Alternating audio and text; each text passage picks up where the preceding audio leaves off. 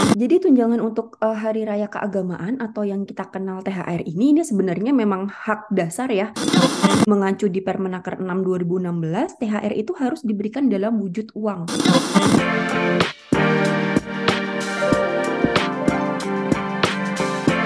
Hai sahabat TCID, kalian sedang mendengarkan podcast Suara Akademia. Ngobrol seru isu terkini bareng akademisi. Rekaman ini uh, dilakukan dimasuk di 10 hari terakhir bulan puasa di tahun 2023 Sobat isi ID. Dan supposed to be kalau kamu adalah pekerja udah lebih dari sebulan aja THR udah masuk seharusnya ya. Ini udah pada mulai mikir deh duit belanja mau dipakai buat apa. But anyway, kalau kita ngomongin soal THR, tiap tahun ke tahun selalu aja ada masalah gitu. Back ke tahun 2020, 2021 di masa COVID ada semacam relaksasi dalam tanda petik yang diizinkan oleh pemerintah kepada perusahaan untuk bisa um, nyantai bayar THR-nya, nggak full 100% gaji gitu buat yang keberatan. Dan di tahun ini pemerintah itu menyatakan bahwa THR sudah tidak boleh dicicil, pekerja sudah boleh menerima THR utuh maksimal um, dalam waktu tertentu gitu. Kita bakal bahas soal THR sobat ID, tapi kita bakal ngeliat dari um, undang-undang dan juga peraturan yang berlaku, especially buat pemberi kerja dan juga tenaga kerja ya. Bareng sama Mbak Mustika Prabaningrum, ini dari Fakultas Hukum Universitas Islam Indonesia. Halo Mbak Mustika, apa kabar Mbak? Alhamdulillah baik Mas. Gimana Mbak, Mas Muhammad? Uh, saya Alhamdulillah sehat Mbak. Mbak kita ngobrol soal uh, eh, THR dulu nih Mbak. Um, kalau kita berbicara soal kebijakan ya, kan mm -hmm. uh, ada banyak yang agak-agak takut nih, especially setelah disahkannya undang-undang cipta kerja gitu. Undang-undang cipta kerja kan kayaknya buat para pekerja banyak yang di apa ya dikomplain nih. Kalau THR sendiri Mbak dari Undang-Undang Cipta Kerja gimana Mbak? Ya, jadi sebenarnya di dalam Undang-Undang Cipta Kerja sendiri yang kemarin sempat uh, apa ya viral kemudian menjadi sangat viral lagi karena uh, dikatakan Undang-Undang Nomor uh, 11 2020 itu inkonstitusional bersyarat, kemudian dibuatlah Perpu sebagai pemulus ya dalam tanda kutip seperti itu, kemudian Perpunya pun juga uh, sudah disahkan ya menjadi undang-undang. Uh, pada dasarnya memang tidak diatur secara spesifik ya Mas ya baik di Undang-Undang 13 2003 tentang ketenaga kerjaan maupun di undang-undang yang terbaru di tahun 2023 ini tentang cipta kerja itu memang tidak secara spesifik berbicara tentang uh, tunjangan hari raya atau THR ini. Tetapi di beberapa aturan yang uh, di luar undang-undang ini seperti di Permenaker 6 2016, kemudian di surat edaran uh, Menteri Ketenagakerjaan itu uh, yang lebih apa ya bisa dikatakan lebih secara spesifik uh, mengakomodir ketentuan uh, berkaitan dengan uh, si THR ini atau tunjangan hari raya ini gitu mas. Tapi kalau misalnya kita sedikit mundur nih mbak dari pertanyaan sebelumnya gitu ya, emang kenapa sih THR ini harus dikasih kepada pekerja gitu? Apakah ini tunjangan yang sifatnya wajibkah atau kayak ya bonus tambahan aja sebenarnya? Ada yang uh, menjelaskan bahwa THR ini tuh hitungannya gaji ke-13 ya kan. Ah. Sebulan itu ada 52 minggu, kita masuk 48, ini waktunya buat dibayar gitu. Ada yang bilang ya untuk memberikan insentif tambahan. Kenapa harus dikasih nih Mbak THR Mbak? Ya, jadi tunjangan untuk uh, hari raya keagamaan atau yang kita kenal THR ini ini sebenarnya memang hak dasar ya yang memang diberikan kepada para pekerja dan ini sifatnya wajib dibayarkan oleh uh, teman-teman pengusaha menjelang hari raya keagamaan yang berupa uang. Nah, hari keagamaan yang dimaksud di sini memang tidak spesifik hanya membatasi, mohon maaf, agama Islam saja, meskipun memang faktanya hingar-bingar pembayaran atau pencairan THR ini memang uh, lebih ini ya, ya, uh, ya Mas ya, lebih uh, ya lebih uh, apa ya bisa dikatakan lebih berwarna atau lebih dikenal seperti itu di uh, menjelang perayaan hari raya Lebaran. Jadi kalau misalnya bagi teman-teman pekerja yang merayakan Natal, kemudian uh, merayakan hari raya Nyepi, kemudian Waisak atau mungkin uh, hari raya Tahun Baru Imlek itu pun juga berhak atas uh, pembayaran THR ini meskipun menariknya ada kalanya seseorang atau seorang pekerja seperti itu itu mendapatkan THR tidak di hari raya keagamaan yang dirayakan oleh uh, agama yang dianutnya. Tetapi itu memang uh, harus didasarkan pada uh, perjanjian kerja atau bisa di, juga disepakati di dalam peraturan perusahaan atau mungkin di dalam uh, perjanjian kerja bersama. Tapi memang basically atau uh, balik lagi ya itu memang uh, sebaiknya dibayarkan sesuai dengan uh, apa namanya menjelang perayaan hari keagamaan yang itu uh, dianut dari si pekerja yang uh, bersangkutan seperti itu, Mas. Jadi memang hak dasar sih yang memang harus ditunaikan oleh teman-teman pekerja, eh, maaf teman-teman pengusaha. Oke, jadi secara ideal nih Mbak Mustika, sebaiknya perusahaan itu tuh ngelihat si pekerja ini tuh agamanya apa diberikan sesuai dengan hari rayanya gitu, nggak dibikin jadi satu gitu ya? Ah, benar. Idealnya memang menyesuaikan dengan hari uh, dengan uh, hari raya atau agama yang memang dianut si pekerjanya, tetapi memang ada uh, keleluasaan dalam tanda kutip kalau misalnya memang mau disepakati, oh mungkin uh, uh, mau dibayarkan, mungkin non Muslim dibayarkan barengan aja deh uh, di apa namanya di hari raya Lebaran seperti itu itu memang harus disepakati di awal mau dituangkan dalam perjanjian kerja boleh di dalam uh, peraturan perusahaan boleh atau di dalam perjanjian kerja bersama pun uh, boleh jadi harus ada uh, kesepakatan yang itu dituangkan dalam hitam di atas putih. I see.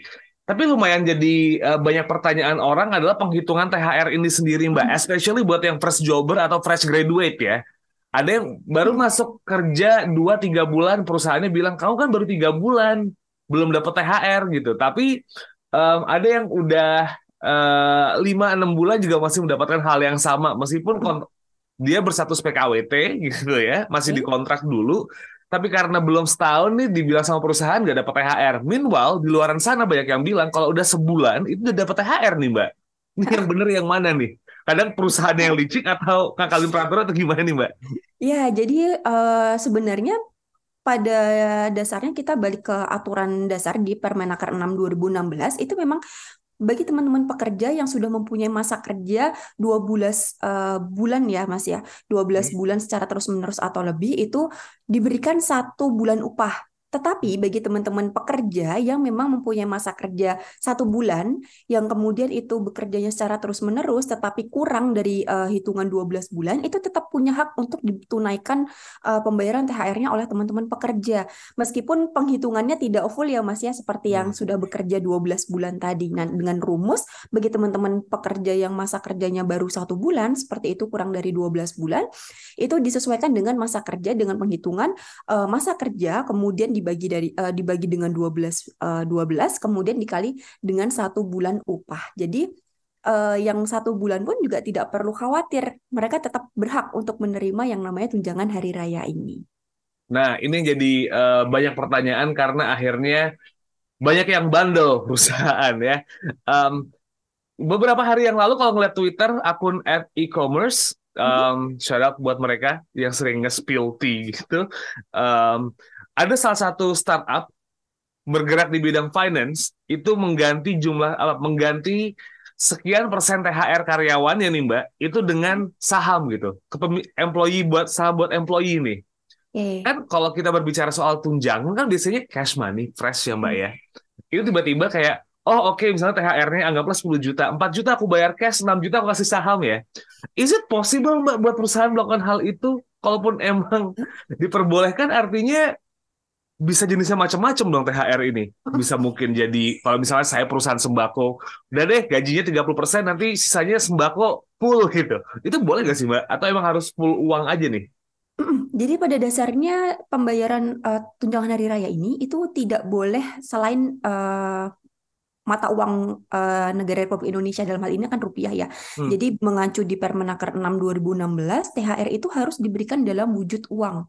Jadi tidak bisa uh, dalam bentuk barang atau mungkin yang sekarang tadi Mas katakan sedang viral ya, dalam bentuk saham itu tidak diperkenankan. Jadi harus dalam bentuk uang. Tujuannya apa? Agar uang itu harapannya bisa dinikmati tidak hanya bagi pekerja itu sendiri ya, tetapi mungkin bisa dibelanjakan sesuai dengan keinginan si pekerja tersebut. Kemudian mungkin bisa ditransfer untuk keluarganya atau dibelikan barang yang mungkin selama ini sudah diidam-idamkan dari teman-teman pekerja itu sendiri. Jadi harus dalam bentuk uang, tidak boleh selain dalam bentuk uang bandel perusahaan kayak gini kan nggak cuma satu hmm. dua nih ya Mbak Mustika ya, yeah. banyak banget nih gitu. Um, terus kalau misalnya memang akhirnya uh, ada tenaga kerja diakalin dalam tanda petik sama perusahaan yang ya oke okay, uh, eh, THR-nya dicicil lah, itu kayaknya mungkin terjadi di COVID kemarin dan yeah. um, apa ya acceptable alasannya gitu. Hmm. Tapi kalau sekarang masih tiba-tiba pemerintah bilang nggak boleh dicicil, perusahaan bilang ambil dicicil atau kamu nggak usah dapat THR kan misalnya ada ancaman-ancaman gitu atau diganti bentuknya dengan bentuk saham lah dengan bentuk sembako atau apa pun itu. Pekerja yang dirugikan mbak sama um, keputusan perusahaan. Itu kalau misalnya memang pengen lapor itu gimana sih? Karena kan kayaknya kalau uh, komplain di Twitter cuma dapat viral doang ya. Uh, meskipun nanti bisa dilihat sama uh, akun-akun pemerintah gitu. Cuman kalau misalnya tracknya mau lapor nih ada pekerja yang ngerasa dirugikan tuh kudu gimana sih Mbak? Jadi benar yang disampaikan oleh Mas Muammar tadi, jadi pembayaran THR pun itu sebenarnya pada dasarnya tidak boleh dicicil ya, tetapi memang ada pengecualian ketika kemarin kita mengalami pandemi COVID, di mana tidak hanya teman-teman pekerja saja yang dirugikan, tetapi juga teman-teman pengusaha, jadi diperkenankan ada pengecualian di masa COVID itu. Tetapi seiring berjalannya waktu, kemudian dinilai uh, perekonomian kita sudah mulai pulih, jadi uh, yang terakhir dari Kementerian Ketenagakerjaan sendiri melalui surat edaran Menteri Ketenagakerjaan itu sudah mewajibkan untuk pembayaran THR itu sama sekali tidak boleh dicicil. Jadi harus uh, dibayar 100% dan kemudian juga diberikan batasan uh, harus dibayarkan itu maksimal tu sebelum uh, tujuh hari ya tujuh hari sebelum uh, perayaan hari keagamaan uh, tersebut. Kemudian misalnya nih Mas uh, kalau ketentuan di dalam perusahaan di tempat dia bekerja ternyata ketentuannya di dalam internal perusahaannya itu justru THR-nya itu bisa dua kali lipat atau bahkan tiga kali atau empat kali atau bahkan lima kali itu sebenarnya yang digunakan itu adalah aturan internal di dalam perusahaan tersebut. Jadi pemerintah di sini hadir untuk memberikan batasan minimal harus sesuai dengan uh, aturan yang diberikan uh, oleh pemerintah. Bagaimana kalau misalnya uh, tidak ada uh, ini ya kekhususan dalam tanda kutip perusahaan tersebut ya tidak mempunyai aturan khusus akan diberikan dua kali THR eh, pembayaran dua kali atau tiga kali. Itu yang digunakan adalah aturan dari pemerintah. Tetapi sekali lagi jika uh, di dalam internal perusahaan tersebut itu ada pengkhususan pengecualian ternyata lebih besar dari aturan pemerintah yang digunakan adalah aturan dari uh, pemerintah itu sendiri. Kemudian uh, kalau berkaitan dengan bagaimana nih kalau si pihak pengusaha atau perusahaannya itu nakal ya dalam tanda kutip nggak mau memberikan hak dari teman-teman pekerja ini maka teman-teman uh, pekerja itu dapat mengadukan tindakan pelanggaran eh, THR ini ke posko pengaduan yang sudah disediakan oleh uh, Kementerian Ketenagakerjaan. Kalau secara offline atau ya secara offline atau luring ya Mas ya, itu bisa datang ke kantor Kementerian Ketenagakerjaan yang ada di Jakarta Selatan, tetapi untuk lebih memudahkan bisa juga diakses secara daring atau online melalui uh, bantuan.kemenaker.go.id dan juga bisa di call center 1500 630 atau juga uh, untuk memudahkan teman-teman yang berada di daerah itu nanti bisa dicek ke akun Instagram resmi dari Kemenaker di situ juga sudah tersedia uh, posko-poskonya itu ada di mana saja berkaitan dengan posko pengaduan THR ini. Dan jadi pertanyaan terakhir nih Mbak, hukuman buat perusahaan apa sih kalau misalnya memang melanggar gitu THR-nya kan? Biasanya kalau pelaporan ada tindakan dong. Apakah ya. cuma kayak eh ayo dibayarkan gitu atau ada hukum apa ada warning-warning yang lebih nih bakal misalnya memang eh, perusahaan ketahuan beneran nakal soal THR nih. Oke, jadi pengusaha yang uh, apa namanya terlambat saja ya tadi uh, apa namanya ada pembatasan yang dikeluarkan oleh Kementerian Ketenagakerjaan melalui surat surat edaran Menteri Ketenagakerjaan maksimal tujuh hari ya sebelum hari uh, apa namanya uh, perayaan keagamaan itu. Jadi kalau terlambat itu didenda diberikan denda 5% dari total THR yang memang harus dibayar oleh uh, pihak pengusaha atau pihak perusahaan. Tetapi ini uh, tidak terus menghilangkan kewajiban dari pihak pengusaha atau pihak perusahaan. Jadi denda berjalan, kewajiban untuk menunaikan kewajiban uh, kewajiban untuk pembayaran THR itu juga tetap berjalan, Mas. Jadi ada dua dua hal yang harus ditunaikan oleh pihak pengusaha atau pihak perusahaan. Jadi lebih baik daripada harus membayar denda juga, lebih baik ya tunaikanlah kewajiban pembayaran THR sebelum nanti dikenai denda 5% itu tadi. Oke, lima persen kan ke perusahaan nih Mbak. Um, ada denda-denda lain nggak sih Mbak? Kayak misalnya um, buat pengambil kebijakan misalnya um, direktur perusahaannya gitu, ada dikenakan apa gitu, atau misalnya orang HR-nya bakal kena apa gitu, atau cuma perusahaannya didenda aja nih? Iya, per, pihak perusahaan sudah include dengan itu, itu sebesar 5% dari total uh, eh, THR yang harus dibayarkan sejak berakhirnya batas waktu uh, kewajiban pembayaran THR itu. Oke, jadi cuman di uh, total THR-nya means seperusahaan ya, Mbak ya. Misalkan perusahaannya harus bayar THR 5 miliar, 5 persennya itu dendanya gitu ya? Oh, eh, lima Oh, persennya dari per personnya. Misalnya Oh, saya oke. yang dibayar telat atau mungkin Mas Hmm, Muammar yang dibayar hmm. telat itu penghitungannya dari situ Mas lima persennya itu. Oh, Oke, bukan dari perusahaan ya, Mbak ya? I see, oke. Baik, Mbak Mustika, ini soal THR eh, mungkin memang isu yang redundant, tiap tahun pasti bakal diomongin dan tiap tahun ada masalahnya aja gitu kan. Entah ada perusahaan A dari kota mana, tahun depan selesai, eh kota B ada masalah lagi nih Mbak. Mungkin ada yang disampaikan kan Mbak soal em, apa ya, isu tahunan yang pasti bakal muncul terus nih Mbak Mustika, silakan Mbak. Mungkin ke teman-teman pengusaha karena ini merupakan kewajiban dasar ya dan ini dari satu sisi teman-teman pekerja ini adalah hak dasar. Silakan ditunaikan kewajiban itu eh, sebagaimana tadi sudah dijelaskan juga sudah ada aturan ya meskipun tidak dalam dituangkan dalam bentuk undang-undang. Ya, batasan tujuh hari sebelum apa namanya pelaksanaan Hari Raya Keagamaan itu harapannya sudah ditunaikan. Kalau misalnya terlambat ya harus bersiap diri untuk eh, pembayaran tetap THR-nya berjalan, denda 5%-nya pun juga harus tetap ditunaikan. Itu saja, Mas. Oke, untuk teman-teman pekerja Mbak, apakah ada em, yang pengen disampaikan buat bisa lebih ngulik lagi soal peraturan atau apa pun itu Mbak? Jadi karena kita konsepnya di hukum di Indonesia adalah fiksi hukum ya, semua orang itu dianggap tahu hukum. Jadi bagi teman-teman pekerja, kalau misalnya hak dasar THR-nya tidak dibayarkan, jangan takut untuk speak up. Jadi eh, pemerintah melalui Kementerian Ketenagakerjaan sudah menyiapkan atau menyediakan berbagai alternatif ya, seperti tadi bisa datang langsung ke apa namanya kantor di eh, Jakarta Selatan atau bisa melalui apa namanya call center atau mungkin nanti bisa diakses di Instagram milik Kementerian Ketenagakerjaan posko-posko yang tersedia yang atau yang tersebar di berbagai daerah. Jadi sekali lagi jangan takut untuk menuntut apa yang sudah menjadi hak dasar kita sebagai pekerja. Karena kita dianggap sudah melek hukum dan tahu hukumnya, jadi Benar sekali. itu kenapa mau nggak mau harus kalau emang eh, ada masalah lapor aja ya Mbak ya, Benar nggak usah sekali. takut ya. Nggak usah takut. Kayak gitu Mbak Mustika, terima kasih untuk waktunya buat ngobrol-ngobrol kali ini Mbak, lancar-lancar buat kegiatannya, selamat melanjutkan kegiatan dan juga selamat berpuasa Mbak Mustika.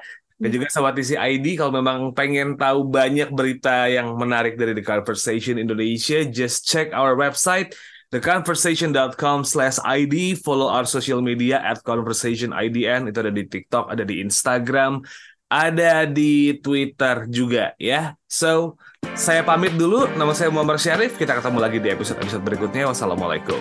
Kalian telah mendengarkan podcast Suara Akademia, ngobrol seru isu terkini bareng akademisi.